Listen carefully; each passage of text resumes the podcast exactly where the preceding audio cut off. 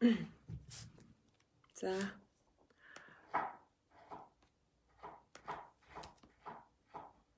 Орой минь ингээд өнөөдрийн зоолотой хамт лайв эхэлж байна. Тэгээд амсын ёсоор өнөөдөр бас нэгэн сонирхолтой номын тухай ярих байгаа. Тэгээ энэ маань аа би одоохон та бүхэнд харуулна. Энэ чинь нэг юугаа шеэрлэтгэе.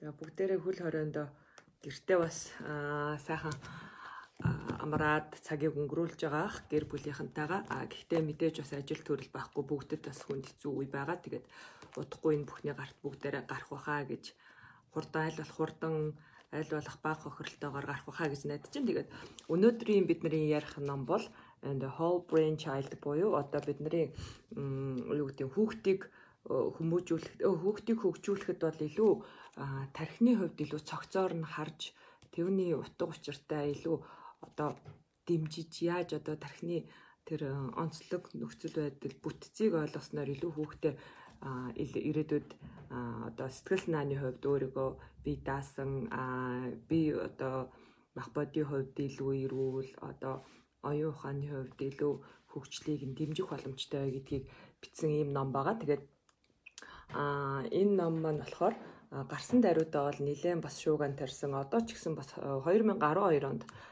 жишээ нь гарсан байгаа. Тэгээд одоо ч гэсэн бас хүүхэд хүмүүж хөгжлийн хүмүүжлийн ном дотроо бас нэлээд өргөн хүрээнд яригддаг, нэлээд олон иш татагддаг ном байгаа. За тэгээ номын тухай товч ярихад бол ерөнхийдөө а хоёр зохиолчтой, хоёр автортай. Нэг нь болохоор Daniel Siegel гэдэг хүн байгаа. Тэр хүн болохоор neuropsychiatrist буюу одоо тархины шинжилгээ ухаанаар тэр чиглэлийн тархи мэдрэлийн одоо салбарт ажилладаг хүн байгаа. А нөгөөх нь болохоор parenting expert буюу одоо ерөнхийдөө хүүхэд хөгжлийн талаар эцэг эхчүүдэд холбоотой эцэг эхчүүдтэй одоо холбоотой тэр талаар одоо судалдаг, тэр талаар зөвлөгөө зөвлөмж өгдөг ийм хүн байгаад байгаа. Тэр хүн маань Тина гэдэг Tina Bryson гэдэг. Тэгээ энэ хоёр хүний хамтран бичсэн ном байгаа. Тэгээд ном бол маш сонирхолтой санагдсан. Яагаад гэвэл бидний маш олон тохиолдолд хүүхдийг ингэж хөгжүүлэх хэрэгтэй, ингэж одоо хүүхдийн хөгжлийг дэмжих хэрэгтэй, хүүхдтэйгээ ингэж харьцах хэрэгтэй гэдэг ярьдаг зүйлсийг бол илүү бүр одоо дэлгэрэнгүйгээр яагаад вэ гэдгийг илүү сайн тайлбарласан учраас надад нэлээд таалагдсан. Тэрдсэн маа тархитай холбоотойгоор тайлбарласан нэлээд таалагдсан байгаа.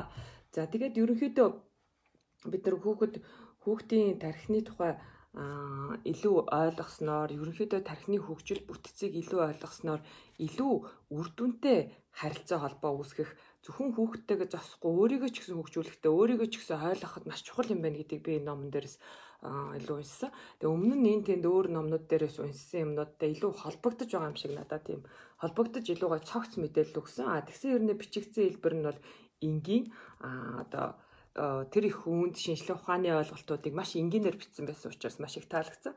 За ном бол хэлж байгаа энэ дээр бол 12 одоо чухал стратегийг те хүүхдтэйгээ одоо яг тархины хувьд цогц хөгжүүлэхэд хүүхдтэйгээ тархийг цогцоор нь хөгжүүлэхэд чухал 12 стратегийг гэж хуваалцсан байгаа. А тэгээд энэ 12 стратеги бичгтээ бол 5 одоо бүлэгт хуваарлж утсан байгаа. Тэгээ энэ таван бүлгийн хүрээнд бүгдээрээ ярилцах болно.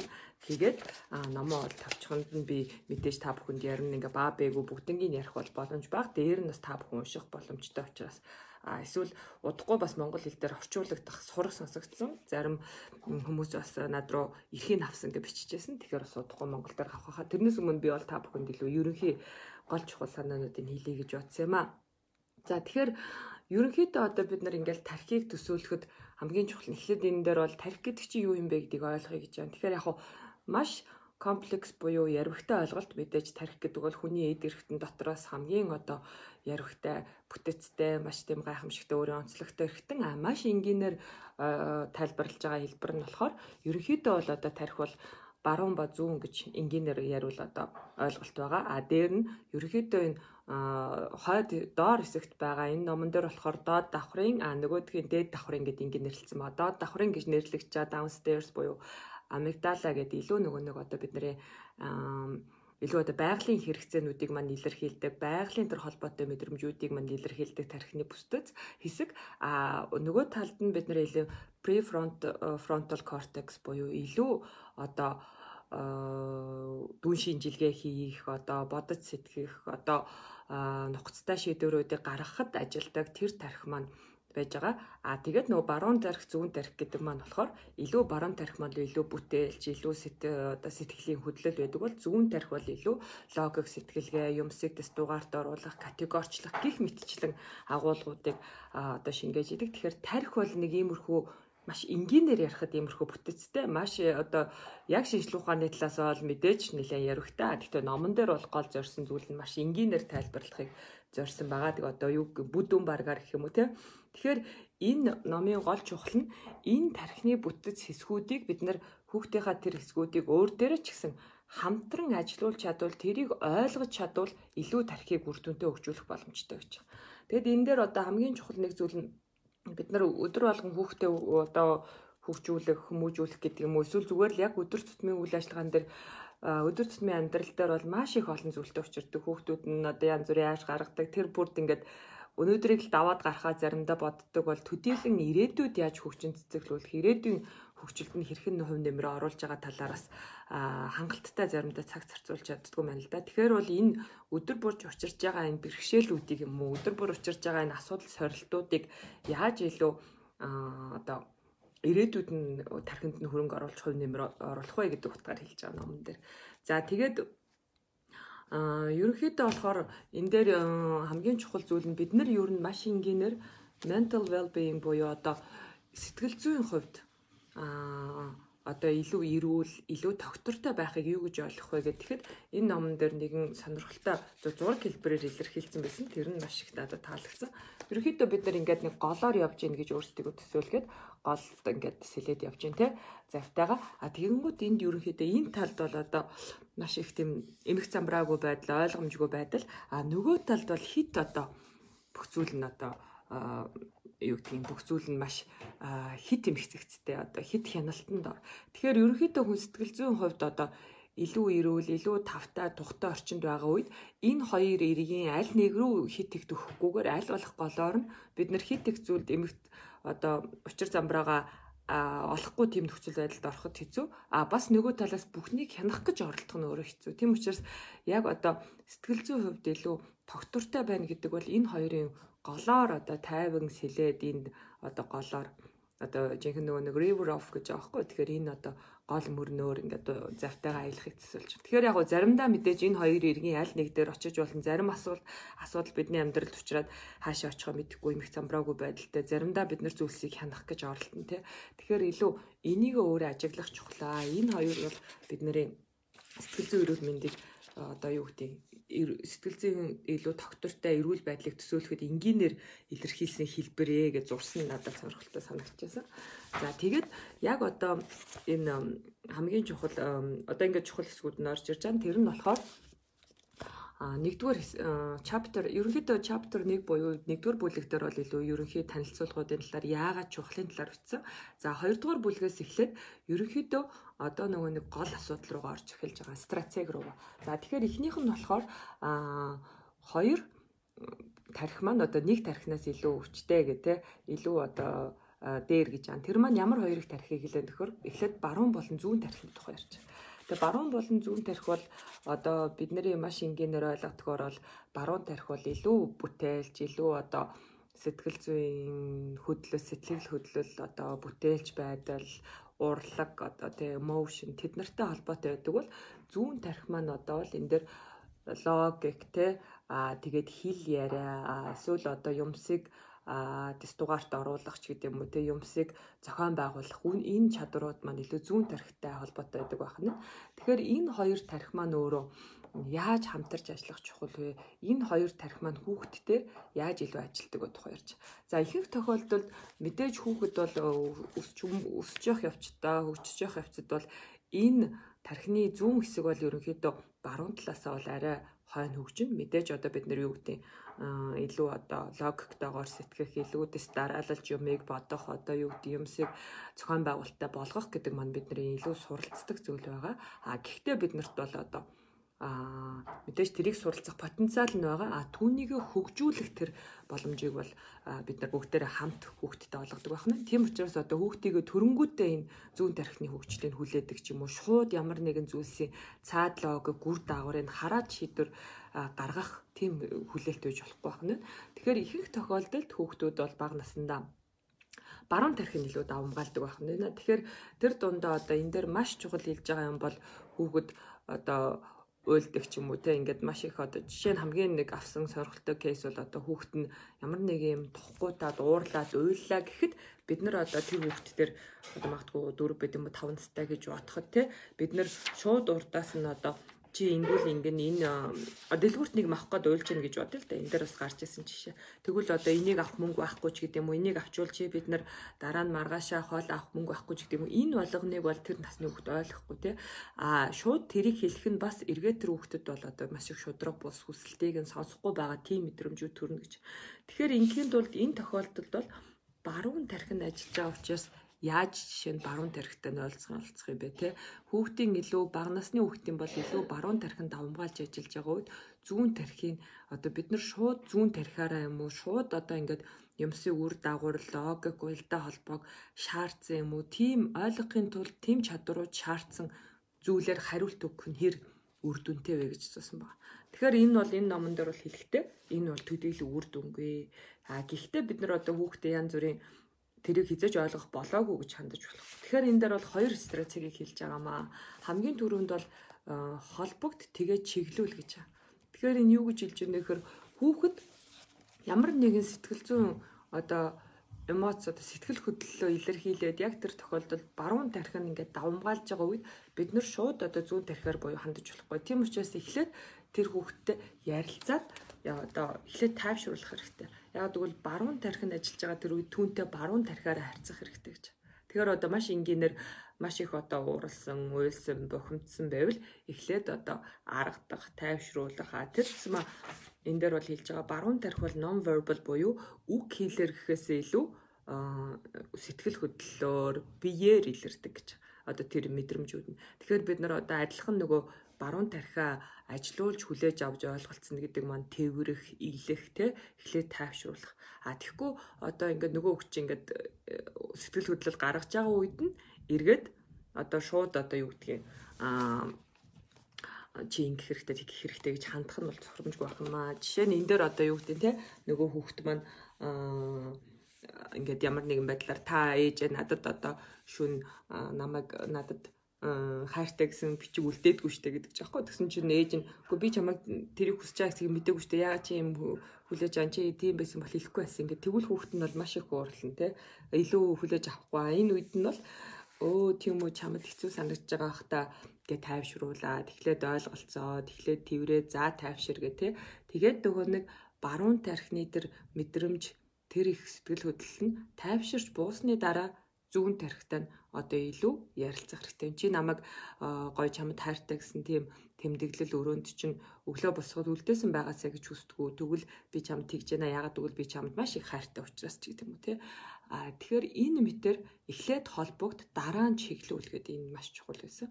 Тэгэхээр эхлээд тэр хүүхдийгээ сонсох хэрэгтэй юм байна. Юу хэлэх гээд байгааг нь сонсох хэрэгтэй юм байна хүүхдийн энэ дээр хэлж ямар нэгэн сэтгэл хөдлөл ингээд гаргаад одоо юу гэдэг чи уурлах ч юм уу бохимдох юм уу уйлж ин гэдэг чинь цаана нэг шалтгаан байгаа. Тэр шалтгааныг ойлгохын тулд эхлээд тэр эмоцийг хүлээж авч тайвшруулах чухал аа гэд. За хоёр дахь нь болохоор одоо тэр юма гаргаж ирээд одоо name it to tame it гэж байгаа. Тэр зүйлийг тэр зүйлийг одоо тэр зүйлдээ тулалдахын тулд түүнийг гаргаж ир номхруулахын тулд гэж байгаа. Тэгэхээр одоо хамгийн чухал нь тэр хүүхдэд тулгарч байгаа. Одоо янз бүрийн нөгөө нэг төрөний хэлсэн янз бүрийн хүүхдүүдэд асуудал тулгарч болно. Тэр үед нь одоо айдсан зүйл ч юм уу ямар нэгэн таагүй үйл явдал ч юм уу тэр тохиолдолд тэр асуудлыг эргэж ярилцсанаар story telling буюу түүх болгож ярьснаар хүн илүү ойлгодог гэж. Энэ зөвхөн хүүхдтэр ш. Одоо бид нар ч гэсэн сэтгэл зүйчдэр ингээл зарим маань очиж үндсэн, зарим маань очиж амжаагүй гэж болно те. Сэтгэл зүйч бол ерөөсөл босон явдлыг аль болох эргүүлээд яриулаад байдаг. Энэ тохиолдолд ерөнхийдөө энэ хүүхдтэр ч гэсэн хэлж байгаа зүйл нь баруун тархины мэдрэмж бол төрөний хэлсэн non verbal буюу үгэн бишээ те А зүүн тархиных бол илүү үгээр илэрхийлэгддэг. Тэгэхээр хүн тэр зүйлээ үгээр илэрхийлэх гэж оролцох оролдох явцдаа бол зүүн тархи ажиллуулж байгаа. Тийм учраас тэр хүн маань тэр зүйлсээ логик дистаралтаагаар ярьж байхдаа илүү илүү өргөөрөнд ойлгож чаддаг байна. Илүү гүн гүнзгий ойлгож чаддаг байна. Тэгээд ойлгосноор тэр зүйл маань одоо магадгүй нэг хүүхд аюун мундаг сэлдэг байж байгаа те дараа нь одоо нэг удаа аа одоо живх гэж тийм таагүй болсон тэр үед нь ойрхон хүн байхгүй учраас сэлхээс байнга айдаг болдог ч юм уу те а тэгвэл тэр тохиолдолд жишээ нь ярилцаад тэр үед одоо чи баг байсан бас дээр нойр хавьт чинь хүн байгаагүй одоо үргэлж би чиний хажууд байна тийм учраас санаа зовх хэрэггүй гэдгийг гаргаж ирэхийн тулд эхлээд тэр хүүхэд тэр босон зүйлээ ярилцах хэрэгтэй байна хамт. Тэгэхээр ярилцах орчныг бүрдүүлэх юм байна. Тэгжиж нөгөө бид нар ч гэсэн өөрсдөө альва нэг бухимдал асуудал төр эмоц сэтгэл хөдлөл байгаад байвал тэр маань дотор маань байгаад байвал илүү баруун тархины илүү сэтгэл хөдлөлийн мэдрэмж байгаад байвал бид нар тэрийгэ задалж илүү ойлгож тэрнийг даван туулах маань илүү хэцүү болт юм байна. Тэм учраас гаргаад хин нэгэнтэй хуваалцаж хэлж яана гэдэг маань эргээд бид нар тэр зүйлээ илүү ойлгох, илүү задлах, юу болсныг одоо эргэж тунгаан бодох тийм боломжийг өгд юм байна. Тийм учраас хүүхдэд тэр таагүй юм уу ямар нэгэн болсон зүйл ууртай байгаа тэр зүйлийг ярих боломжийг олгох хэрэгтэй байна. Ярьж явах явцдаа зүүн тархин ажилт юм байна. Тэгэхээр бид нэр одоо ч гэсэн ингээл verbal буюу үгэн энэ харилцаа чинь зүүн тархийг өчрлүүлдэг учраас одоо жишээ нэг ном уншлаа гэхэд би хичнээн чинь хүлээгээд тавсан ч гэсэн буцаагаад ярих явцдаа би дахиад илүү ойлгож идэг энэ мэдрэмж маань өөрөө зүүн тархины ажиллагаатай юм холбоотой юм байна. Тийм учраас хүүхдэрээ тэр сториг нь түүхийг яриулж явах хэрэгтэй. Магадгүй эхэндээ нөгөө хүүхд чинь тухгүй санагдчихж магадгүй тэр үеийн жоохон зай өгөө тэгээд дараа нь эргээд юу болсон ингээд ингээд ярьж явах чухал гэж байна. Тэгэхээр storytelling буюу энэ буцаж ярих энэ зүйлс бол хүнд а босон явдлыг ойлгох тэгээд дээр нь тэр өөрийнхөө сэтгэл хөдлөлийг ойлгоход тус болд юм байна гэдэг. За дараагийнх нь энэ дээр энэ болгон дээр ном бол ингээ хөөх хөөхөн жишээ өгсөн байгаа. Тэгэхээр та бүхэн бас хүүхдтэйгээ яаж энэ баруун зүүн тарих нь тэгэхээр бид нэр дахиад энэ энэ бүлэг дээр хамгийн чухал зүйл нь бол Хүүхэд ингээ баруун тархийг илүү давмгаалаад аашилж байгаа үед бид нэр зүүн тархиараа хандаж болохгүй. Түүнээс одоо логик шаардаа чи ойлвол ингэн энийг авбал ингэн одоо ингүүл ингэн одоо чи ингэж аашилж болохгүй ч гэдэг юм. Энэ болгон бол үр дүнд хүрдэг юм байна. Эхлээд баруун тархиараа холбогдоод буюу хамт эмоцийг нь ойлгоод сонсоод тайвшруулад түүний дараа хамтдаа за одоо чи яагаад ингэсэн бэ хуваалцаач гэдэг юм уу ингээд ярилцчихэж зүүн тархи нь одоо буюу тэр илүү сэтгэн бодох юмд дүү шинжилгээ их чадвар маань ажилт юм байна гэдэг талаар гарч.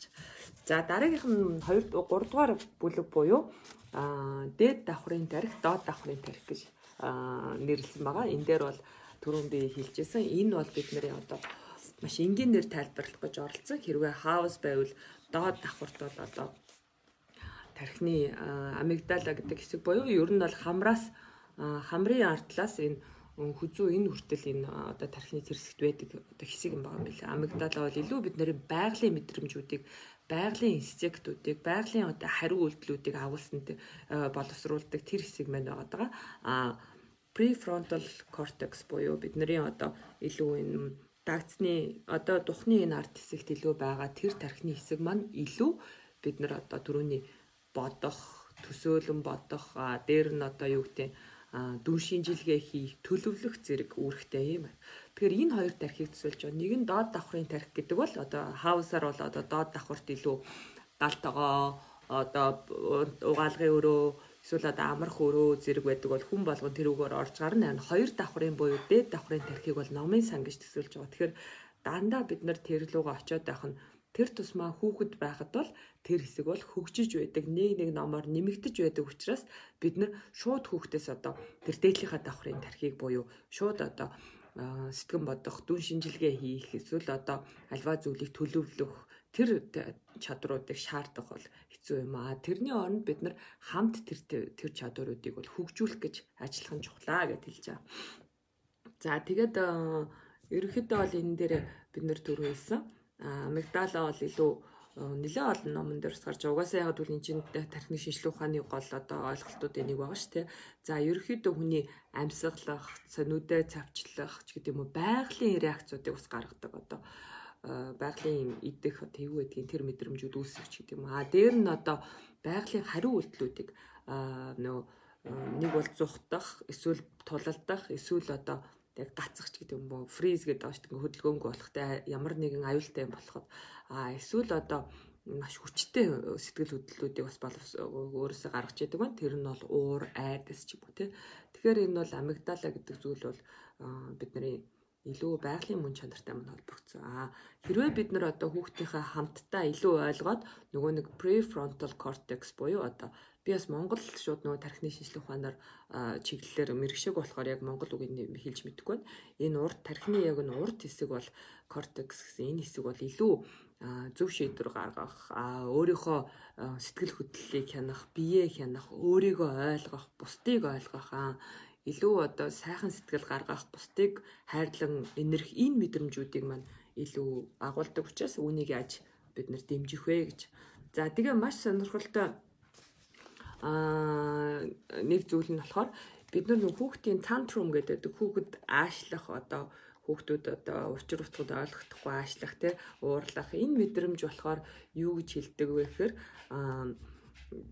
энэ мэдрэмж маань болохоор хоёр хоёр тархины аль алиас нь гарч болно гинэ доод давхрын тархи эсвэл дээд давхрын тархи тэр маань одоо юу гэж хэлээд байгаа гэхээр а одоо юу гэдгийг хүүхэд албаар одоо үр дүнгийн мэдээд энэ зүйлийг түрүүний нөгөө нэг төлөвлөх бодох ямар үр дүн ирэхийг мэдээд хийж байгаа үйлдэл гэж болно те тантрум нь одоо. Би ингэж уйлвал энэ тоглоомыг надад авч өгөн ч гэдэг юм уу те. Эсвэл энэ бол нөгөөх нь болохоор жинхнээсээ айгаад түрүүний нөгөө нэг амигдалагаас илэрч байгаа айгаад сандраад илэрхийлж байгаа тийм ааш гэдэг юм уу одоо юу гэдэг сэтгэл хөдлөл гэж болно. Тэгэхээр тэрийг бас таних чухлаа. Тэрийг нь таньж байж одоо бид нар харилцах чухлаа гэдэг. Тэгэхээр нөгөө нэг тэр болгон дээр нь бас одоо ямар арга хэмжээ тохиромжтой вэ гэдгийг авах те. Тэгэхээр одоо тэгтээ бас таних болгонд амар биш л гэж байгаа юм л да. Тэгэхээр энэ дээр нь тийм хоёр янз байд юм байна. Tantrum гэдэг нь гэдчихсэн байсан. Тэгэхээр бас маш сонирхолтой санагдсан. Тэгэхээр одоо түрүүний энэ upstairs downstairs буюу энэ хоёр тархийг болон баруун болон зүүн тарих энэний аль аль нь одоо байхгүйгээр юм уу зөвхөн одоо зүүн тархинд хөгжөөд айхтар одоо логик сэтгээд юм уу эсвэл зөвхөн одоо энэ урд тархинд хөгжүүлэл их дандаа л одоо өөрийгөө хяндаг мундаг бодож сэтгэдэг хүн байх нь бол бидний зорилго биш юм а. Төрөө нөгөө бүгднгийн цогцоор нь ажилуулах гэдэг бол биднэрт сэтгэл хөдлөж байх хэрэгтэй. Биднэрт бол эргээд сэтгэл хөдлөлөөс илүү бас одоо хэрэгтэй яг зэрэг хэрэгтэй зүйл нь бол илүү оюун сэтгэх чадвар хэрэгтэй ах нь. А биднэрт бас одоо маш одоо байгалийн зүн совин мэдрэмж айх ичих одоо юу гэдгийг те хайр инэрл хэрэг ирэх аюултай мэдрэгдэх одоо хэн нэгний тусламжийг хүсэх энэ мэдрэмжүүч байх нь чухал байх нь энэ тархимаж ажиллах чухал байна. Нөгөө талаасаа одоо бидний бас нөгөө нэг төрөний зөв шийдвэр гаргах те одоо тэр нөө prefrontal cortex тэр тархины тэр хэсэгч чухал байх нь амигдалач чухал байх нь. Тэгэхээр эднэрийг таньж мэдэж энэ хүүхдийн хүүхдтэй одоо энэ тархийнх нь аль хэсэг нь илүү илүү одоо давмгай хөгжүүлэх шаардлагатай байна гэдгийг таних мэдэх хэрэгтэй гэж. Одоо чинь амигдалач яагаад чухал вэ гэвэл жишээ нь аюултай аюултай нөхцөл байдал үүсгэхэд нохой одоо ирж идэх ч юм уу дандаа хүмүүс жишээ авдаг штэ. Тэр үед бол зүхтахад одоо тэр үед ингээд нарийн бодоод энэ нохоо ойртож ирээд хазвал одоо надад ийм аюул үүснэ. Тийм учраас би одоо одоо зүхтах хэрэгтэй. Үгүй бол нохоон тазуулаад имлэгч чинь гэ бодоод ийм логик тестаралтай бодох шаардлагагүй юу байхгүй юу? Тэр тохиолдолд бол одоо ерөөсөө л зүхтах үед юм уу аюулгүй өөрийг болох маш хурдтай арга хэмжээ авах үед бол нөгөө амигдалач ажиллаж ах чухал шүү дээ тий. А нөгөө талд одоо тийм яаралтай биш хэрнээ чухал шийдвэрийн үед бол шууд одоо сэтгэл хөдлөлөөр хин нэгэнтэй маргалдаж муудалцаж явах үед одоо шууд сэтгэл хөдлөлөөр хандснаас илүү тайвшраад бодох нь чухал ахын. Тэгэхээр тэр тохиолдолд prefrontal cortex маань давхар ажиллаж явах чухал. Тэгэхгүй бол нөгөө хүнтэй маргалжиж мэцгэлцэх үед маань зөвхөн одоо манай бидний сэтгэл хөдлөлийн тарих маань ажиллаад зөвхөн өөрийгөө хамгаалах тэр хэсэг маань хариу үйлдэл маань ажиллаад байвал илүү одоо нөхцөл байдлыг илүү хөндрүүлнэ шүү дээ тий. За тэгэн гол одоо энэ дээр стратеги 3 тий а нөгөө стратегиудаа идүүл яг сүүлд нэг халт эргээ тарна. Стратеги 3 дээр болохоор ерөөсөл хүүхдийгаа эхлээд эхлээд тайвшруулад а тэгээд тэр зүйлийг юу болсныг бодохыг нь бодох боломжийг нь тусал гэж байгаа. Юу болвоо гэдгийг нь бодох боломжийг нь өгөөд тэгээд тэрийг ойлгоход нь тусал тэгээд маш анхааралтай сонс гэдэг. Тэгвэл бид нар ихэнх тохиолдолд том хүмүүс нөгөө шууд л болон болохгүйг нь өөрөө хэлээл шууд сурах гад байдаг юм байна л да. Гэтэл бол тэгж тийм тохиолдолд бол энэ төдийлөн үр дүнтэй байдаг байх нь байна. А тэрний оронд бид нар эхлээд юу басныг нь за одоо юу гэдэг жишээ нь одоо одоо ямар нэг юм дургуурлаа ч чинь энэ жишээ нь тий одоо ингээд хөрхэн жишээ. Ээж би танд дургу гэдэг чангууд шууд урдаас нь ингэж хэлчих болохгүй. Яагаад гэвэл чи дахиж ингэж хэлээд үзээрэй. Эн чи ерөөсө болохгүй ээж гэж хэлж болохгүй гэж. Энэ бол үр дүнгүй харин ээж би танд дургу гэвэл аа тийм үү чи надад жоохон ууралцсан байгаа мó тий ингээд тэгэнгүүт хүүхэд нь тийм ээ гэл тэгэнгүүт а чи түрүүний нөгөө зүйлтийг авч өгөөг болохоор ууралж гинөө гэдэг тэгвэл одоо юу гэдгийг тий хүүхэд нь хариуд нь энэ дээр бол тийм ээ би та өстө муухай би танд гомдож гин гэдэг гингууд тэр тэр зүйлтийг зарах дэлгүүр зарахгүй гэж хэлсэн дээ. Тэгтээ тийм учраас юмыг авч чадахгүй байхаар уурлах тийм мэдрэмж дөө. Гэхдээ хоёлоо энэ проблема яаж одоо засвал дээр вэ гэдэг ч юм уу те. Тэгвэл одоо хүүхэд нь оо тэгвэл харин яавал дээр өгөн хоёлоо гэрте очиод гоё жижигхэн зүйлт хийж болно дээ. Яан зүрийн аргууд. Тэгэхээр нөө ийм харилцан ярилцлагаар хүүхдэд өөрийг нь тэр туслах боломжийг нь олго. Өөрт нь тэр тархины урт хэсгээ ажилуулах боломжийг нь баг багаар насанд нь тохируулж олго гэдэг. Тэгэхээр нөгөө нэг буруу зөвийг шууд хэлэх бол ихэнх тохиолдолд хүүхдэд үр дүнгүй а дээр нь одоо маш их одоо юу гэдэг дарамттай заад сургасан мэдрэмжийг өгдөг бол тэр буруу юм уу зөвийг юм уу тухайн зүйлийн талаар ойлгоход нь асуултуудаараа туслах чухлаа гэж чиглүүлэх чухал гэдэг. Тэгэхээр оо сая юу болов гэдгийг ойлголцох, ярилцах. Тэгээд хүүхэд өөрөө тэрийг нь олж авахт нь тусалснаар хүн өөрөө даван туулсан, өөрөө мэдэрсэн, өөрийнх нь тархин дотор нь боловсруулагдсан мэдээлэл маань илүү нөгөө нэг яг юм дотор нь үлддэг гэдгийг. Тэгэхгүй нөгөө бид нар ингээл үгэлж дуулаад ингээд байна гэдэг чинь өөрөө үр дүнгүй юм байна гэдгийг энэ дээр хэлж байгаа. А тэгэхээр ерөөсөө хүүхдийгээ туслах бодоход нь тусал бодож өөрөө тэр зүйлийг ойлгоход нь тусал тэгэхээр шууд хариу үйлдэл тэн дээр үзүүлэхээс илүү сонс гэж. А тэгээ хүүхдэд чиглүүлж те. За тэгэн гутаа дараагийнх нь одоо стратеги нь болохоор ерөнхийдөө хэрэгэл эсвэл тэр зүйл алга болно гэдэг. Use it or lose it. Тэр хэрэгэл эсвэл хаягдана гэсэн санаал санаалж байна тийм. Тэгэхээр юу гэж хэлж ийнэ гэхээр а ерөнхийдөө энэ одоо урд урд тарих гэдэг байгаа энэ дээд давхрын тарих гэдэг байгаа энэ prefrontal cortex гэдэг хүний оюун ухаанаар сэтгэл энэ тархийг бол хөгжүүлж явах хэрэгтэй. Тэрнээс биш өөрөө ингээд шууд юу гэдэг өөрөө нэг хідэн настай болоод тэр тархин ингээд айхтар хөгжнө өгөхөөс илүү байнга тэрийг нь дасгалжуулж явах хэрэгтэй гэдэг. Тэгээд дасгалжуулах төрөний тэр арга одоо жишээ нь төрөний тэр хүүхдтэйгээ ярилцах аа сонголт хийхэд нь туслах, асуудлаа шийдвэрлэхэд нь туслах, аа тэгээд өөрийнхөө эмоцийг хянахад нь туслах гэх. Тэгэхээр энэ ингэж байж бид нар тэр нөгөө хүүхэд маань өөрийнхөө дээд давхрын тарих буюу тэр тархиа бол хөгжүүлэхэд илүү тэрийг одоо үр дүнтэй ашиглахад нь илүү дэмждэг гэж. Тэгэхээр бид нар яаж тэрийг нь хөгжүүлэх вэ, туслах дэмжих вэ гэхээр одоо янз бүрийн аргууд те өө чи тоглоомын талбай дээрээс хүүхдийн тоглоомыг аваад явж болохгүй шүү дээ. Чи хүүхдийн тоглоомыг шууд хэлэх биш. Одоо өө чи энэ тоглоомыг авч явах гэж авч явах авч явбал нөгөө хүүхд чи ирээд явах бол тоглоомын эзэм тэгвэл те тэгвэл жоохон харамсалтай л байх хэрэгтэй гэсэн тэгвэл хоёлоо одоо тоглоомыг хүүхдийнх нь нэмээ буцаага тавьсан дээр хаач гэдэг юм. Энэ ярилцлагуудыг өөрөөр нь аль болох гаргаж ирэх. Гэтэ мэдээж дандаа тийм цаг хүн болгонд байхгүй. А гэхдээ болох хичээх тухай тий. Одоо төгс хүн байхгүйтэй адилхан төгс эцэх гэж энэ байхгүй гэдэг энэ номон дээр байн хэлж байгаа. А гэхдээ аль болох тийм ярилцлагуудыг өрнүүлдэг дадал суулгах нь чухал юм байна. За дараагийнх нь move it or lose it гэх тий хөдөлгөөн бол маш чухлаа тий. Тэгэхээр зарим тохиолдолд нөгөө нэг одоо бидний тархины ингээд одоо одоо юу гэдэг маш чухал хэрэгцээтэй шаардж идэг нэг зүйл нь хөдөлгөөн байд юм байна. Энэ дээр нь одоо хүний нөгөө нэг янз бүрийн сэтгэл хөдлөл ингээд таагүй сэтгэл хөдлөл тэр бодлуудыг одоо багсгаж арилгаж үгүй хийхэд бол хөдөлгөөн аягүй чухал байд юм байна. Тэгээд одоо юу гэдэг сая ч гэсэн нөгөө нэг локдаунд Австралид байхад бол хилж зүгэлж исэн нэг зүйл нь та сэтгэл зүйн эрүүл мэндэ бодохын бодохдоо энэ үед бол гарч дасгал хийж явах хэрэгтэй, хөдөлж явах хэрэгтэй, гүйж явах хэрэгтэй гэдэг. Тэр бол хүүхдтэр ч гэсэн үнэн байгаа байхгүй.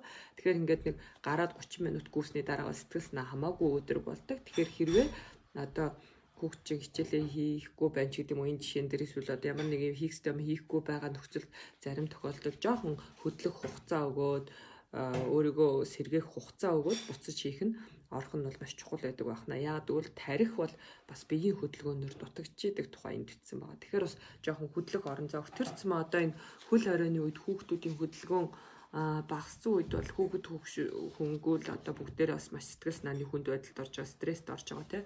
Тэгэхээр бол хөдөлгөөн чухал юм байна гэдгийг энэ дээр бас хэлж байгаа. За Тэгээд би болохоор маш товч явж байгаа та бүхэн мэдж байгаа цагтаа багтах гэдэг ном бол маш одоо өргөө үрээнд маш олон янзаар тайлбарлсан байгаа.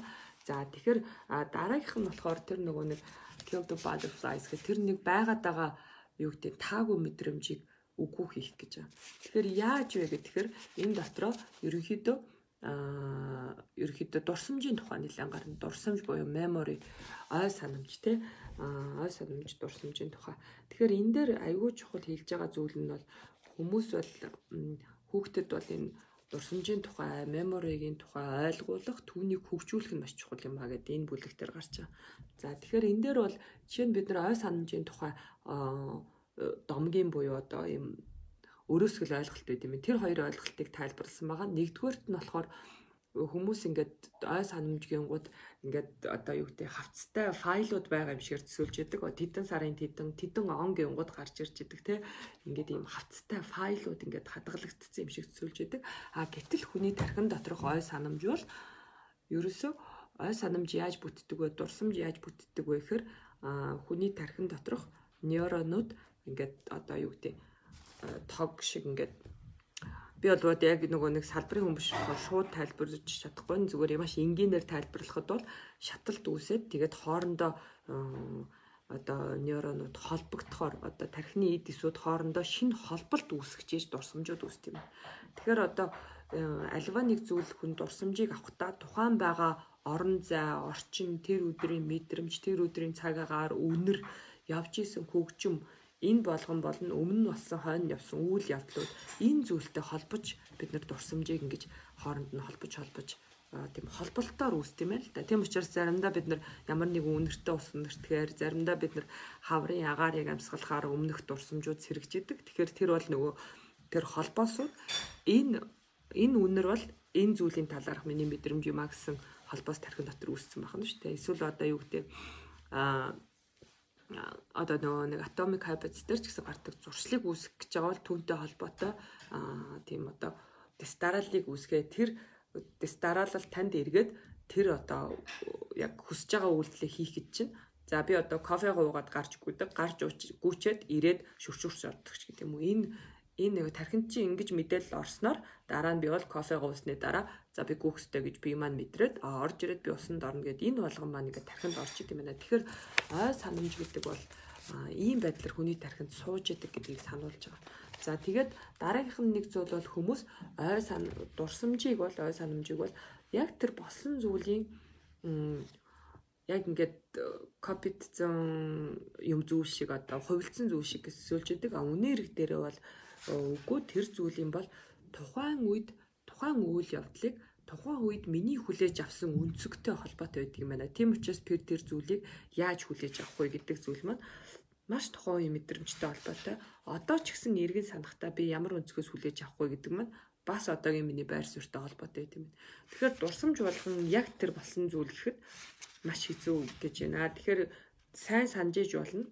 А зарим зүйлийг нь бид нэр ингээд цаг хугацааны явцад юм эсвэл тухайн үедээ дурсамж хадгалахдаа зарим зүйлийг нь хадгалмаар байгаагүй хадгалмааргүй байгаа зүйлээ орхигдуулах юм тархины бас үйл явц байдаг юм байна процесс байдаг юм. Тэрийг их санах чухлаа гэдэг байгаа. Тэрэн дээр э, одоо чинь яг ерөөхдөө энэ дээр одоо хоёр дурсамжийн тухай энэ хоёрыг ойлгох нь чухал гэж байна. За тэгээ яагаад тэгэхээр ерөөхдөө дурсамжийг хоёр хувааж байгаа ил дурсамж, далд дурсамж. Далд дурсамж гэдэг бол далд ой санамж гэдэг бол ой санамж гэж хэлдэг тий. Далд ой санамж гэдэг бол альва зүйлийг ингэж хийдэг. Тэгээд яг тэгж хийгээд сурцсан ой санамж. Одоо бид нар юу гэдэг аа одоо хүүхдийн памперсыг солих жишээ байгаа тийм энэ дэр хүүхдийн памперсыг солихдоо л анх ингээд нэг сольж үзээд тэгээд үргэлжил дараа нь яг сольж явахдаа бол одоо ингээд тэр бүрчлэн одоо эхлээ тэрийн дараа нь инийн гэж бодохгүйгээр бүх зүйлээ ингээд бидний ой санамжинд тархин дотор орцсон ба штэ тэ автомат болоод а нөгөөх дурсамж нь болохоор яг тэр зүйлийг гаргаж ирээд ой санамж нь болохоор яг тэр зүйлийг гаргаж ирээд ингээд санаж байгаа процесс. Тэгэхээр энэ дээр юу гэж хэлж байгаа юм маш олон тохиолдолд альва нэг зүйлийг хүүхэд ч юм уу эргэн дурсахтаа хүнийг тарих нэг зүйлийн талаар таагүй мэдрэмжтэй байгаа гэвэл тэр зүйлийг эргээд болоход одоо таагүй хариулт үзүүлээд байгаа тохиолдолд тэр маань нөгөө даалт ойнд санамж нь тэр зүйл ингээд юунд ч мэддэхгүй өрнө тэр одоо альва нэг үйл явдал давтагдах бүр таагүй байгаа даа бол тэр маань даалт ой санамж нь тэр зүйлтэй холбоотой таагүй санамж үлдсэн байж болно гэж.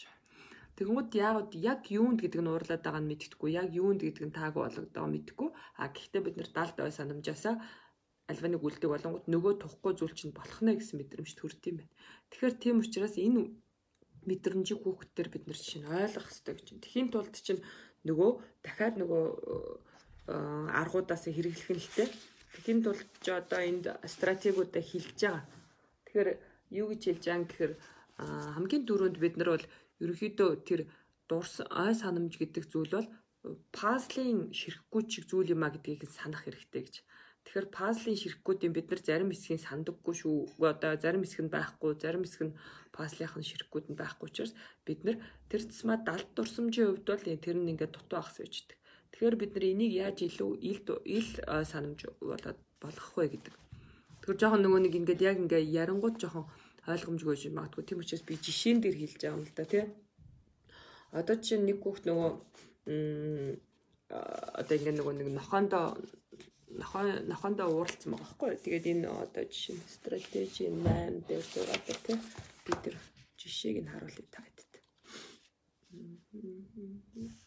А энэ хүүхд болохоор ерөөдөө маш богинохон жишээ нь болохоор энэ хүүхэд болохоор аа аавтайгаа зав хийх уралдаанд маш их дуртай байсан хэрнээ нэг дараагийн жил нь олон жил оролцдог байсан хэрнээ яг энэ жил чинь зав хийх уралдаанд орохыг хүсэхгүй байна гэдэг аавтад гэж. Яагаад гэвэл тэгэхэр энэ хүүхэд маань өөрөө өмнө нь нөгөө нэг яг энэ хөрөө барьж агаад санаандгүйгээр найзгаа жижигхэн гэмтээсэн. А тэгтээ тэр маань өөрөө тэр зүйл нь одоо аюулаас багтаа гарсан ч гэсэн өөрийнх нь хувьд тэр зүйл нь яг юу гэдгийг мэдэхгүй гэхдээ зав хиймээргүй байгаа тий. Тэр тохиолдолд аав нь ингээд ярилцаад яагаад гэдгийг нь илүү хамттай ойлгох. Тэрнээс биш одоо чи яагаад зав хийхэд дуртай болсон түрүү жил дуртай л байсан биз дээ. Зүгээр штэ чи алийг ашир хурж ирээд хий гэж хэлээд бол үр дүн төрөхгүй байх нь ш. Тэгэхээр яагаад чи завыг хиймээргүй байгаа юм бэ? Хөрөөнөөс айж ийн үгүй мэдхгүй би одоо жоохон тоног төгөрөмжнөөс айгаад байна хүрхгүй нь гэвэл аа чи хөрөөнөөс айж ийн үү? Нөгөө нэг хэнийг та хоёр тоглож байхад тэгсэнтэй холбоотой юу ч гэдэг юм ингээ гаргаж ирэх. А тэр дундаа энэ дэр энэ дэр юу ашиглах вэ гэхээр а дурсамжийг яг нөгөө нэг телевизийн удирдлага шиг наас цаашаа гүйлгэж ингэж одоо тим төсөөлөл өгөх гэх тэрүүгээр тайлбарлах гэдэг юм. Тэгэхээр нөгөө нэг одоо видео үзэж байхдаа пауз тавьж болдог, нэг хэсгийг гүйлгэж болдог. Тэгэхээр таагүй хэсгүүдийг нь өнжөөд гүйлгээд те тэгээд яг ингээд таатай эсгүүдийгээ ярихад ч хүүхд чинь таатай байна уу гэх тэгэхээр ингэж хэлж байгаа нь юу гэж байгаа гэхээр тэр хүүхэд тэр дурсамжигаа дахиад илүү ой санамжиндаа гаргаж ирээд юу басныг ярилцаад гэтэл үнээр их дээр маш олон тохиолдолд хөрөө хэрэглэхтэй зүгээр эсэрнэ ганц алдсан ингээд бүх дурсам бүх одоо тэр хөрөө өрлөгтэй холбоотой ой санамжийг нүггүй хийж болохгүй гэдгийг тийм аргаар жишээ нь илэрхийлж байгаа байхгүй. Тэгэхээр нөгөө нэг replaying memories буюу бид нар одоо ингээд ой санамжаа ингээд удирдаад юуг санах, юуг одоо төр зүр санамааргүй байгаа. Тэгтээ эргээд бодоод удаашруулж хараад яг юу болсон бэ гэдгийг ойлгоход туслах гэдэг энэ аргыг жишээ нь хэрэгжилж болт юм байна. За дараагийнх нь болохоор ерөөхдөө маш чухал зүйл нь бол хүн бол ой санамжаа бол бас бас л нөгөө төрөний хөгжүүлж явах хэрэгтэй байна. Ой санамжийн чадвараа. Тийм учраас одоо орой болгон хамт ярилцах те хүүхэд байгаа. За өнөөдрийн хамгийн гоё мөч чамд юу байваа ч гэдэг юм уу те баг гэлтгүй юу ч гэсэн ярилцж явах хэрэгтэй. Аа тэгээд нөгөө хүүхдний өнөөдөр ийм байх нь гоё юмсэн, ингэж тоглох нь гоё юмсэн гэртээ хамтдаа бүгдээрээ эсвэл хамгийн жоохон гоё биш байсан хэсэг нь юу байсан бэ гэж ярилцах. Тэгэхээр ингэхэд гоё биш байсан, ингэхэд гоё биш байсан. Ингэхдээ бол ямар нэгэн байдлаар шүүхгүй, эргэж загнахгүй тий. Энэ бол маш олон чадрыг хөгжүүлэх нь ярианы чадвар, эргээд өөрөө альва нэг зүйлд тусгал хариу үйлдэл үзүүлэх те юмсыг дүгнж дүн шинжилгээ хийх а дээр нь эргээд одоо тэр дурсамжаа ингэж хадгалахдаа сайхан байсан уу юу дээ? Эсвэл таагүй байсан тэр зүйлсээ яаж одоо багсахгүй таатай байсан тэр зүйлсээ яаж маргааш их хийх вэ ч гэдэг юм уу? Маш олон байдлаар бол одоо энэ ой санамжийг хөгжүүлэх энэ дасгал бол маш чухал байд юм байна. Тийм учраас хамтдаа ингээд гэр бүлийнхаа болсон зүйлийг өдөр тутмынхаа зүйлийг ширээ тойрч суугаад өнөөдрийн юу сайн байв, юу жоохон дараагийн удаа өөрчлөмөр байна гэдэг юм уу ингэж ярилцах нь чухал гэдэг энэ дээр хэлсэн байсан маш чухал санагцсан. Ой санамжтай холбоотойгоор аа дараагийнх нь болохоор тэгэхээр энэ ой санамжтай холбоотой хоёр юу биш те стратеги. За дараагийнх нь болохоор стратеги нь болохоор за нэгдсэн би бүрэн нэгдсэн би гэх юм уу миний одоо тэ United States of Me гэж байхгүй. Тэгэхээр чинь нөгөө холбооны бүгд Америкийн нэгдсэн улс гэдэг шиг нэгдсэн бие гэдэг те би гэж юм бэ гэдэг. Энэ дээр бол айгүй чухал юм хэлж байгаа. Ерөнхийдөө бол бид нар хүүхдтэй би гэж юм бэ? А намайг тойрсон зүйлс юу вэ гэдгийг ойлгуулахад нь туслах хэрэгтэй. Ерөнхийдөө одоо оюун ухааныхаа зураглалыг гаргах туслах хэрэгтэй гэж. Тэгэхээр энэ юу юм бэ гэдээ ингээд хэлэнгууд одоо тухайн зүйл маань хүм маань өөрөө гол тийм хүүхд маань байлаа гэхэд заавал зураг зураг хэлбэрээс гаргаж болно. Тэр хүн бол ерөнхийдөө хүн өөрөө дотор нь байлаа гэхэд тэр үнийг тойрсон ой санамж, бодлууд, мэдрэмжүүд, мөрөөдөл одоо юу гэдэг биеийн одоо тэр мэдрэмжүүд өөрийнх нь одоо альва зүйлийг харж байгаа харах үнцэг ингээд тойроод байж идэм байна.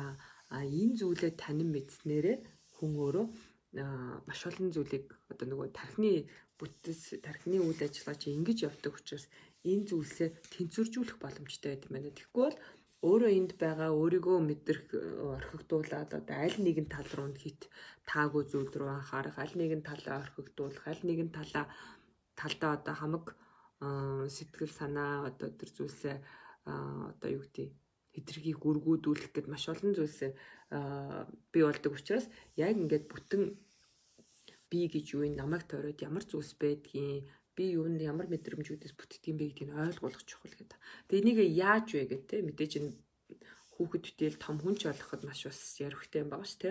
Тэгэхээр тойргийн голд өөрөө бөгөөд түүнийг тойрч буй зүйлсийг харах а тэгээд асуудал тулгарлаа гэхэд бол өөрөө бас өөрөө бол асуудал биш а харин тулгарч буй зүйл гэдгийг ойлгуулахад энэ зүйл энэ зүйл маш чухал юм байна. Тэрээс тэр асуудал бол өөрөө би биш ээ гэх тээ.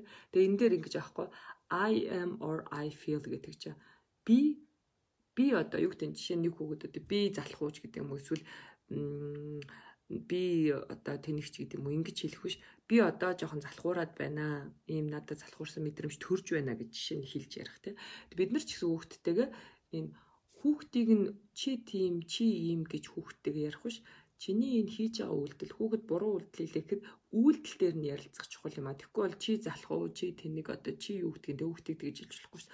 Чи одоо төрөний хэлсэн янз бүрээр ингээд хүүхдийн урмыг эсвэл одоо тухайн үед бэрхшээлд учирж байгаа бэрхшээлт нь холбоотойгоор одоо хэлэх биш тухайн тэр зүйл үйлдэлийг нь хэлэх нь чухал юм ба гэдэг энэ дэр I feel гэдэг чинь шүү дээ. Тэгэхээр яг одоо саяны хийс үйлдэл чинь жоохон тааг үйлдэл байна. Дүүгээ ингэх хэрэггүй, хариуцлагатай байх чухал ч гэдэг юм те.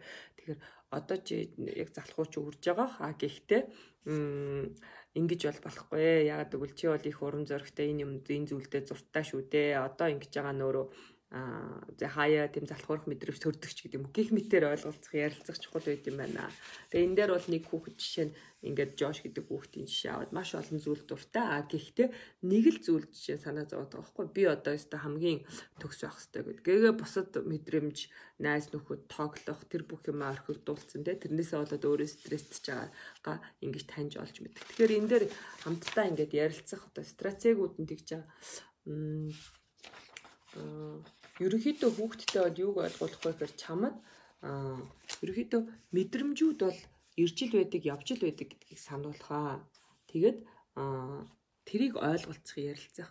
Тэгэхээр чи бол үргэлж тэнд өөрийнхөөрөө байна, үргэлж онцгойгоороо байна. Аа янз бүрийн мэдрэмжүүд гунигтай байх одоо заримдаа таагүй ууртай байх эсвэл одоо заримдаа юу гэдэг орхигдсон юм шиг найзуудтай орхигдсон юм шиг. Энэ мэдрэмжүүд бол мэдрэмж бол иржил байдаг явжил байдаг гэдгийг ойлгох чухал юм аа. Тэр тойргийн голд чи үргэлж байсаар байгаа гэдгийг а чамайг тойрсон тэр зүйлс бол иржил байдаг явжил байдаг гэдгийг ойлгох чухал гэж ярилцах чухал.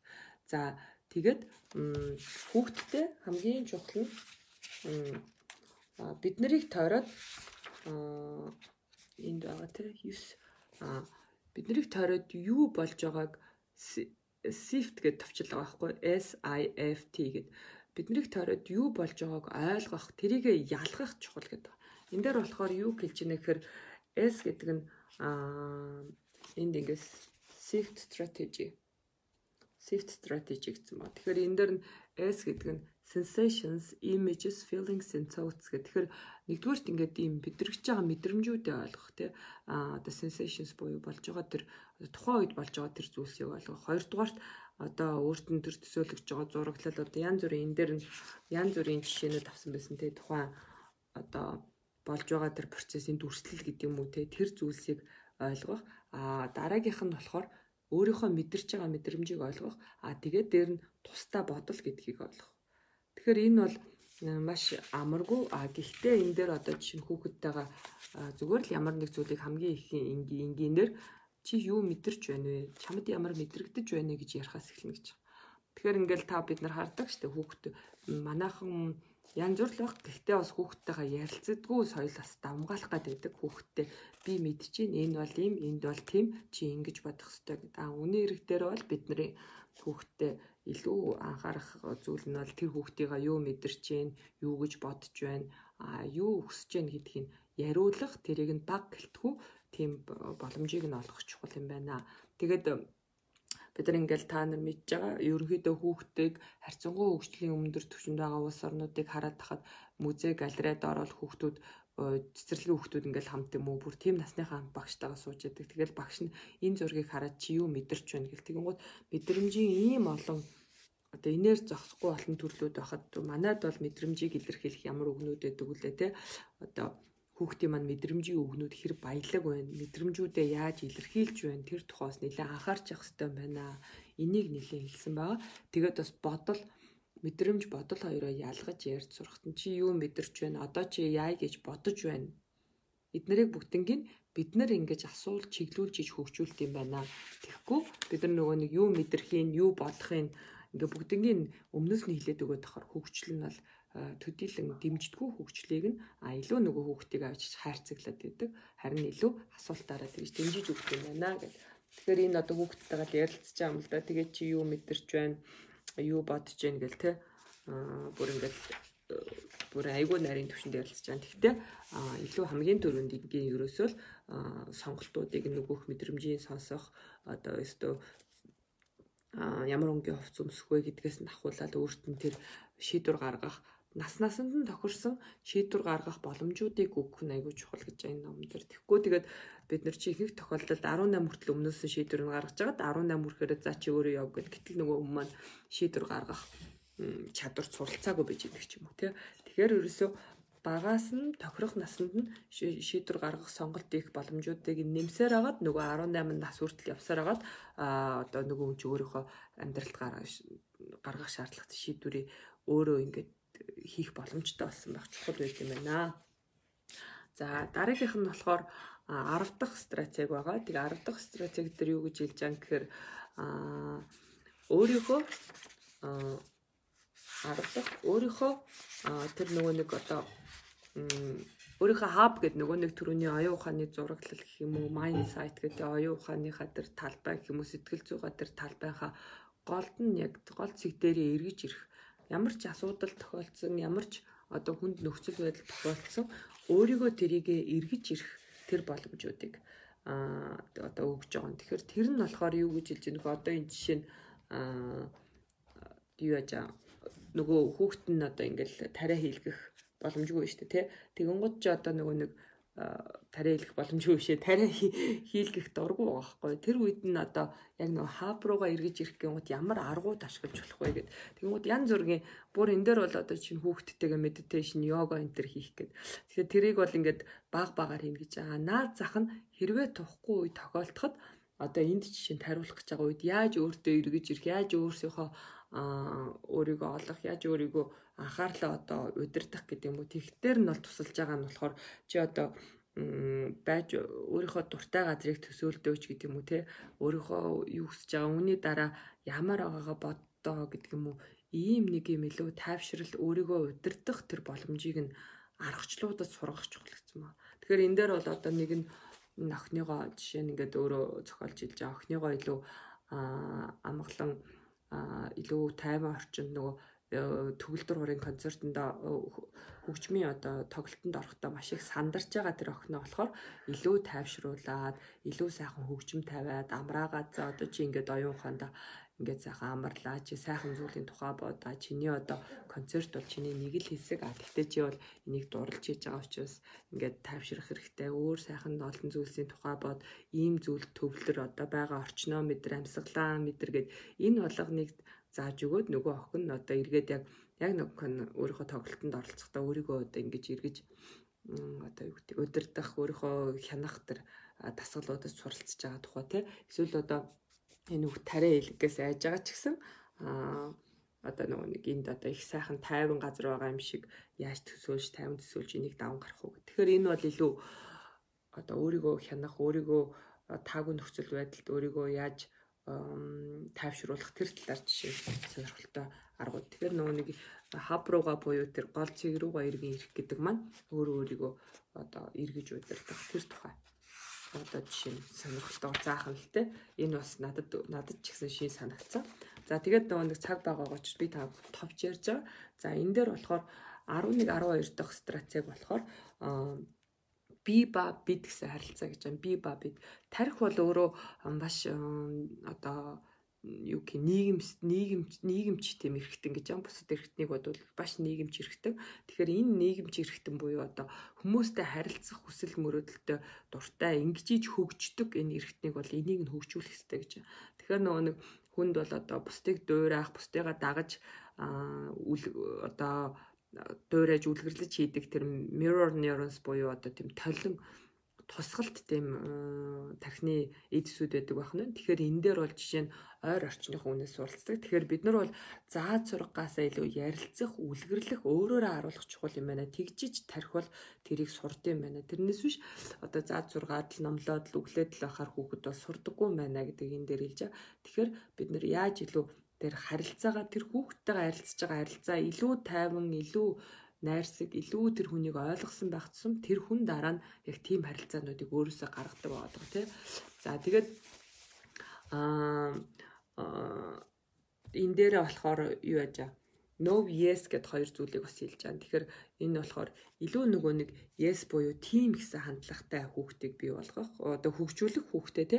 Тэгэхээр жишээ нь ягаад гэвэл нөө гэсэн хандлагатай маш олон тохиолдолд ерөөхдөө бол хүүхэд их баг байхтай их нөө гэдэг буюу үгүй гэдэг үгийг хэлэх магадлал их өндөр байдаг гэж байна. Яг тэгвэл маш олон зүйлийг мэдэхгүй учраас өөрийгөө хамгаалах инстинктээр маш олон зүйлд үгүй үгүй үгүй гэж яддаг. А түүнийг нь одоо тим тим гэдэг рүү дэмжих. Яг тэгвэл үгүй маань эргээд бол одоо олон хүнд ингээд нөгөө нэг судалгаа хийсэн юм л да хүмүүсийг сууж яхад нь үгүй үгүй гэдэг үгийг олон хэлэх эсвэл yes yes гэдэг үгийг олон тим тим гэдэг үг олон тэр тохиолдолд ерөнхийдөө хүмүүсийн сэтгэл санааны байдал нь бол үгүй үгүй гэж олон хэлүүлэхэд бол таагүй. Тим тим гэж олон хэлүүлэхэд бол жишээ таатай байсан тийм тэгэхээр энэ дээр ялгаа нь болохоор тим гэдэг энэ мэдрэмж бол илүү тайван нээлттэй харилцааны тийм орон зайг нээж өгдөг бол үгүй гэдэг бол илүү нөгөө нэг хариу үйлдэл үзүүлэх тийм хүнийг майндсет буюу тэм сэтгэлгээр үе тэм нөхцөл байдал руу бэлддэг юм байна л да. Тэгэхээр нөгөө нэг илүү үгүй үгүй гэдэг тэр харилцаа маань тийм одоо харилцааг хөгжлийг дэмжиж байх тусам сэтгхүүн маань болохоор илүү нэг бол нөгөө нэг тэмц эсвэл тулалт эсвэл тэмцэх эсвэл одоо зүхтах эсвэл одоо хөших гэдэг юм уу энэ гурван үйлдэлийн буюу энэ одоо реактив буюу хариу үйлдэл үзүүлэх ийм систем рүү орчдөг учраас аль болох ийм хаалттай орчныг биш илүү одоо тийм гэсэн харилцааг үүсгэх те. Тэгээд одоо жишээ нь ярилцгаасаа гэр бүл дотроо ярилцгаасаа эхлээл аль болох аа тийм ээ тэгэлгүй явах хүч гэдэг юм уу нээлттэй ярилцаад а гэхдээ энэ шүүч гэдэг юм юм эрг юм нээлттэй харилцааг бий болгох чухал байна. За тэгээд яг стратеги 11 болохоор аль болох гэр бүлийнхээ хөгжилтөө цагийг бол илүү нэмэгдүүлэх хэрэгтэй гэж нь хамтдаа тоглох. Одоо тэр зам маань ковидын үед бол гэртээ үйл оронд байгаа үед бол аль болох хүүхдүүд гэр бүлтэйгээ энэ цагаа зарцуулах, хамтдаа тоглох янз бүрийн тоглоомууд зохиож бодож олох те энэ харилцаа их чухал гэж байна. Ягаад гэвэл энэ маань өөрөө ирээдүйд тэр хүн нийгэмтэйгээ яаж харьцах тэр мэдрэмжүүдийг өгдөг юм байна. За тэгээд дараагийнх нь 11 дэх 12 дахь стратеги нь болохоор хүүхдийнхаа бусдыг ойлгох эмпати буюу бусдыг ойлгох тэр э, чадварыг нь илүү хөгжүүлэх ёстой гэж байна. А тэгвэл энийг болохоор чи шууд бусдыг ойлгох гэхээс илүү ямар нэгэн конфликт зөрчил үүснээ дараа ярилцах а нөгөө хүнд ямар байгааг нь илүү ойлгуулах. Тэрнээс биш одоо өөрөө э, шууд хүчээр чиний дүүчин гомдчихлоо одоо чи инг гэхээсээ илүү ярилцах нь шүү дээ тий дүүг нь ямар мэдэрч байгааг нь илүү өөрт нь ойлгоход нь туслах. Энэ бол ингэжиж илүү эмпати буюу бусдыг ойлгох чадвар маань илүү хөгждөг юм байна. Тэгэхээр энэ номон дээр ерөөхдөө юу гэж хэлж ийм нэхэр бид нар хүүхдийг хүмүүжүүлэх гэхээсээ илүү хөгжүүлэх тэр хөгжүүлэх гэдэг маань тэр зүйлийг ингээд өөрөө одоо өсөн боожхот нь хажуугаас нь дэмжиж өгөх гэдэг тийм ойлголт байгаа шүү дээ. Хүмүүжүүлэх гэдэг бол би одоо хин нэгэн заах тий. Хүмүүжүүлэх гэхээсээ илүү хөгжүүлэх гэсэн хандлагаар а дээр нь тэр тархины бүтэц онцлогийг ойлгож одоо түүнийг нь дэмжих гэсэн тэр санааг нэлээд илэрхийлж байна. Тэгэхээр төрөний юу гэж юм нэхэр энэ бүх тархины онцлог хэсгүүдийг бүгднийг ажилуулахад нь туслах. Тэгэхээр бид нар одоо нөгөө нэг баруун тархит нь бүтээлч баруун тархийг нь одоо бүтээлч байдлыг яаж хөгжүүлэх үү? Зүүн тархиных нь одоо илүү одоо логик сэтгэлгээ илүү юмсыг дэс дараалд оруулдаг одоо бүтцийн хувьд илүү хардаг. Тэр баруун зүүн тарих хоёрыг яаж хөгжүүлэх үү? Яаж хамтд нь хөгжүүлэх үү те? А дараа нь одоо төрөний нөгөө нэг илүү одоо байгалийн инстинктээр ажилдаг тэр амигдалаг те бас бас болон а нөгөө нэг prefrontal cortex буюу илүү оюун ухаанд шийдвэр гаргадаг, илүү оюун дүгнэлт хийдэг, илүү дүн шинжилгээ хийдэг тэр хоёр тархийг яаж хамтд нь хөгжүүлэх үү? Энэ болгоныг хөгжүүлэхэд нь хамтд нь туслах. А дээр нь түрүүн ой санамжаа яаж одоо таагүй ой санамжийг нь илүү задалж гаргаж ирс түүнийг байхгүй болгож илүү одоо задалж гаргаж ирнэ гэдэг маань байхгүй болгоныг ор ор байхгүй гэж хэлэх биш тэрнийг нь яаж илүү ойлгуулж тэр айгаад байгаа зүйлийг нь задалж харуулж өгөх вэ те а дээр нь яаж одоо таатай дурсамжуудыг бий болгох вэ? За дараагийнх нь илүү тэр хүүхдийнхаа тархины тэр одоо тэр нөгөө нэг нийгэмч тэр эрхтнийг хүний хамгийн нийгэмч эрхтэн гэдэг чинь тэр нийгэмч эрхтнийг яаж илүү нийгэмч байдал нь хөгжүүлэх вэ гэдэг дээр нь өөрсдийнхөө харилцаагаар юм байна. За тэгээд хамгийн чухал нь энэ болгоны энэ тархины хөгжлийн энэ зүйлсийг дандаа бүлэг болгоны ард эцэг эхчүүд бид нар өөрөө гэдэг яг бол хүүхдийг хүмүүжүүлнэ гэдэг бол өөрөө номлоод хүмүүжүүлээд суух хөгжүүлнэ гэдэг бол хүмүүжүүлээд суух биш өөрөөрөө үлгэрлж өөрөө ойлгоно гэдэг. Тэгэхээр миний тарих би одоо хүүхдтэйгээ харьцахтаа тархины баруун тал маань юм уу зүүн тал маань юм уу аль тарих маань илүү давмгаалж ажиллаад байна. Би хүүхдтэйгээ энэ аль аль одоо э, хайрлан инрэх эсвэл логикоор сэтгэх энэ энэ тархиныхаа тэнцвэрийг олж харьцаж чадж гэнүү гэдгээ анхаарах юм. Тэгээд хамгийн чухал нь юу гэхээр эхлээд өөрийгөө ойлгох а бас өөрийнхөө хүүхэд насыг ойлгох чухал гинэ. Миний хүүхэд насны үед миний тархийг одоо тархины хөгжлийг хэр дэмжсэн бэ те? А хэрвээ тийм үе магадгүй байгаагүй бол одоо би тэрийгэ яаж одоо бас илүү сайжруулж энэ хүүхдэд хөгжүүлэх вэ гэдгийг бодох хэрэгтэй гэж. Тэгэхээр ерөөхдөө хүүхдэд хүсч буй тэр амьдралын хэм маяга яг одоо өөрөөрөө үлгэрл гэж. Яг тэгвэл хүн бол тэр дассан зүйл рүүгээ татагддаг дассан юмаа өөрийнхөө нэг хэсэг гэж боддог. Тэгэхээр хэрвээ бид нар одоо хүүхдтэйгээ цаг зарцуулахгүй байгаад анхаарал хандуулахгүй байвал эргээдүйд харилцаа гэдэг бол ийм юм байна гэд өргөд одоо дараагийн өөртөө хайртай үнтэй уулзахтай харилцаа явахдаа одоо нөгөө нэг өөрт нь анхаарал хандуулахгүй байх үед айцтай те орхигдох үе хаягдах үе эсвэл одоо намайг тоохгүй байх үе гэдээ анхаарлын дуталд одоо үргэлж анхаарал хүсдэг би даасан бус юм болох те нөгөө attachment theory буюу хүнд татагддаг тэр ямар хүнд татагдах вэ гэдэг бол эцэг эхийн гэр бүлийн тэр хүмүүсийн орчны заавал эцэг гэх юм уу эмээ өвөө гэдэг юм хамтран амьдарч байгаа тэр хүмүүсийн хоорондох харилцаа бол эргээд тэр хүн ямар амьдралын хэм маяг татагдах, ямар хүнд татагдах, ямар байдлаар өөртөө харьцахыг зөвшөөрөх гэдэгт нөлөөлт юм байна. Тийм учраас ерөөсөө л бид нэр эхлээд өөрийгөө ойлгох, өөрийнхөө өнгөрснийг ойлгох, дээр нь одоо хүүхдтэй хүсч буй тэр амьдралын хэмнэлийг ирээдүйд тийм амьдралтай тэгж хүмүүст хүндлэгдсэн, тэгж хүмүүст хайрлагдсан хүн байгаасаа гэж хүсэж байгаа бол яг тэр орчныг гэр дотроо бүрдүүлэх чухал тухай яриад байгаа. Яагаад гэвэл тэр маань эргэл тэр хүүхдийн тархинд нь яг тийм хэлбэрээр одоо надтай хүн ингэж харьцах хэвээр намайг хүн ингэж хүндлэх хэвээр намайг хүн ингэж хайрлах хэвээр гэдэг тэр ойлголтыг би олгож идэм юм. Тэр ойлголтол хүн ирээд ирээдүйд тэр таньдаг мэддэг зүйлээ бусдаас хүсдэг. Тэгэхээр хүүхдийг хүмүүсийг хайрлаасаа энэрээсээ гэж хүмүүст хайрлагдаасаа энэргдээсээ гэж хүсэж ивэл бид нар өөрсдөө өнөөдөр өөрсдөө үлгэрлж хайрлагдах, энэргдэх, тэр ойлгох, тэр сэтгэл зүйн асуудлыг нь мэдрэх, таних, буцаад тэгж хандах чухал гэдгийг энэ дээр хэлсэн байна.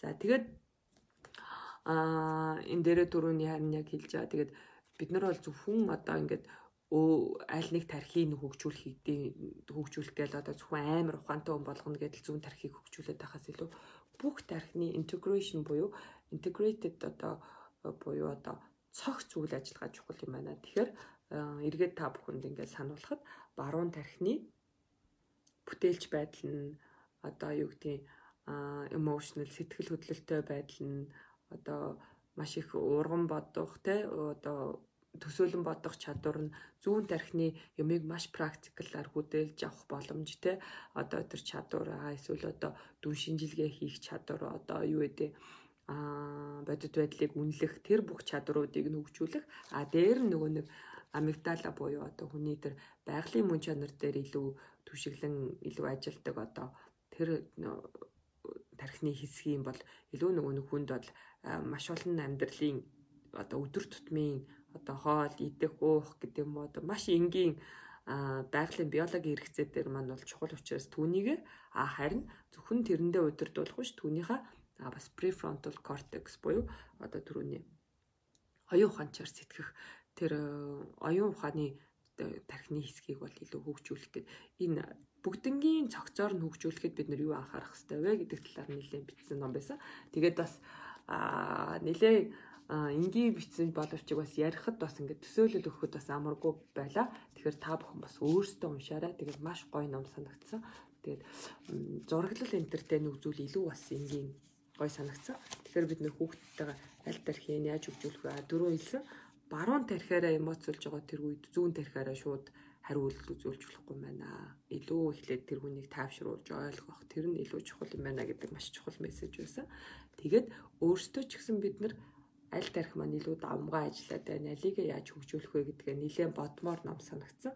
Тэгээ өөр маш олон чухал санаанууд байгаа. Би бас богино хугацаанд ярих гад бас нэлээд чухал гэсэн санаануудыг хамгийн одоо богино байдлаар илэрхийллээ. Тэгэхээр та бүхэн бас уншаад илүү олон суралцаарай. Тэгээд би дараагийн лайваас бас дараагийн зооло таамтаар илүү бас бичлэг хэлбэрээр өөрчилсөн бэлдсэн байдлаар бас номнуудаа танилцуулъя, богино хугацаанд танилцуулъя гэж зорж ажиллаж байна. Тэгээд та бүхэнтэй дараагийн номоор уулзцгаая. Баярлалаа. Тэгээ энэ номыг уншаарай. Энэ номын талаар богино хугацаанд ч гэсэн багтгүй сонсвол бас подкастаар эргээд сонсох боломжтой. Тэгээд маш их баярлалаа. Тэгээд өнөөдөр хамт байсан баярлалаа. Эргээд уулзъя. Тэгээ бүгдээрээ эрүүл байгаарай. Удахгүй уулзъя. Баярлалаа. За баяртай.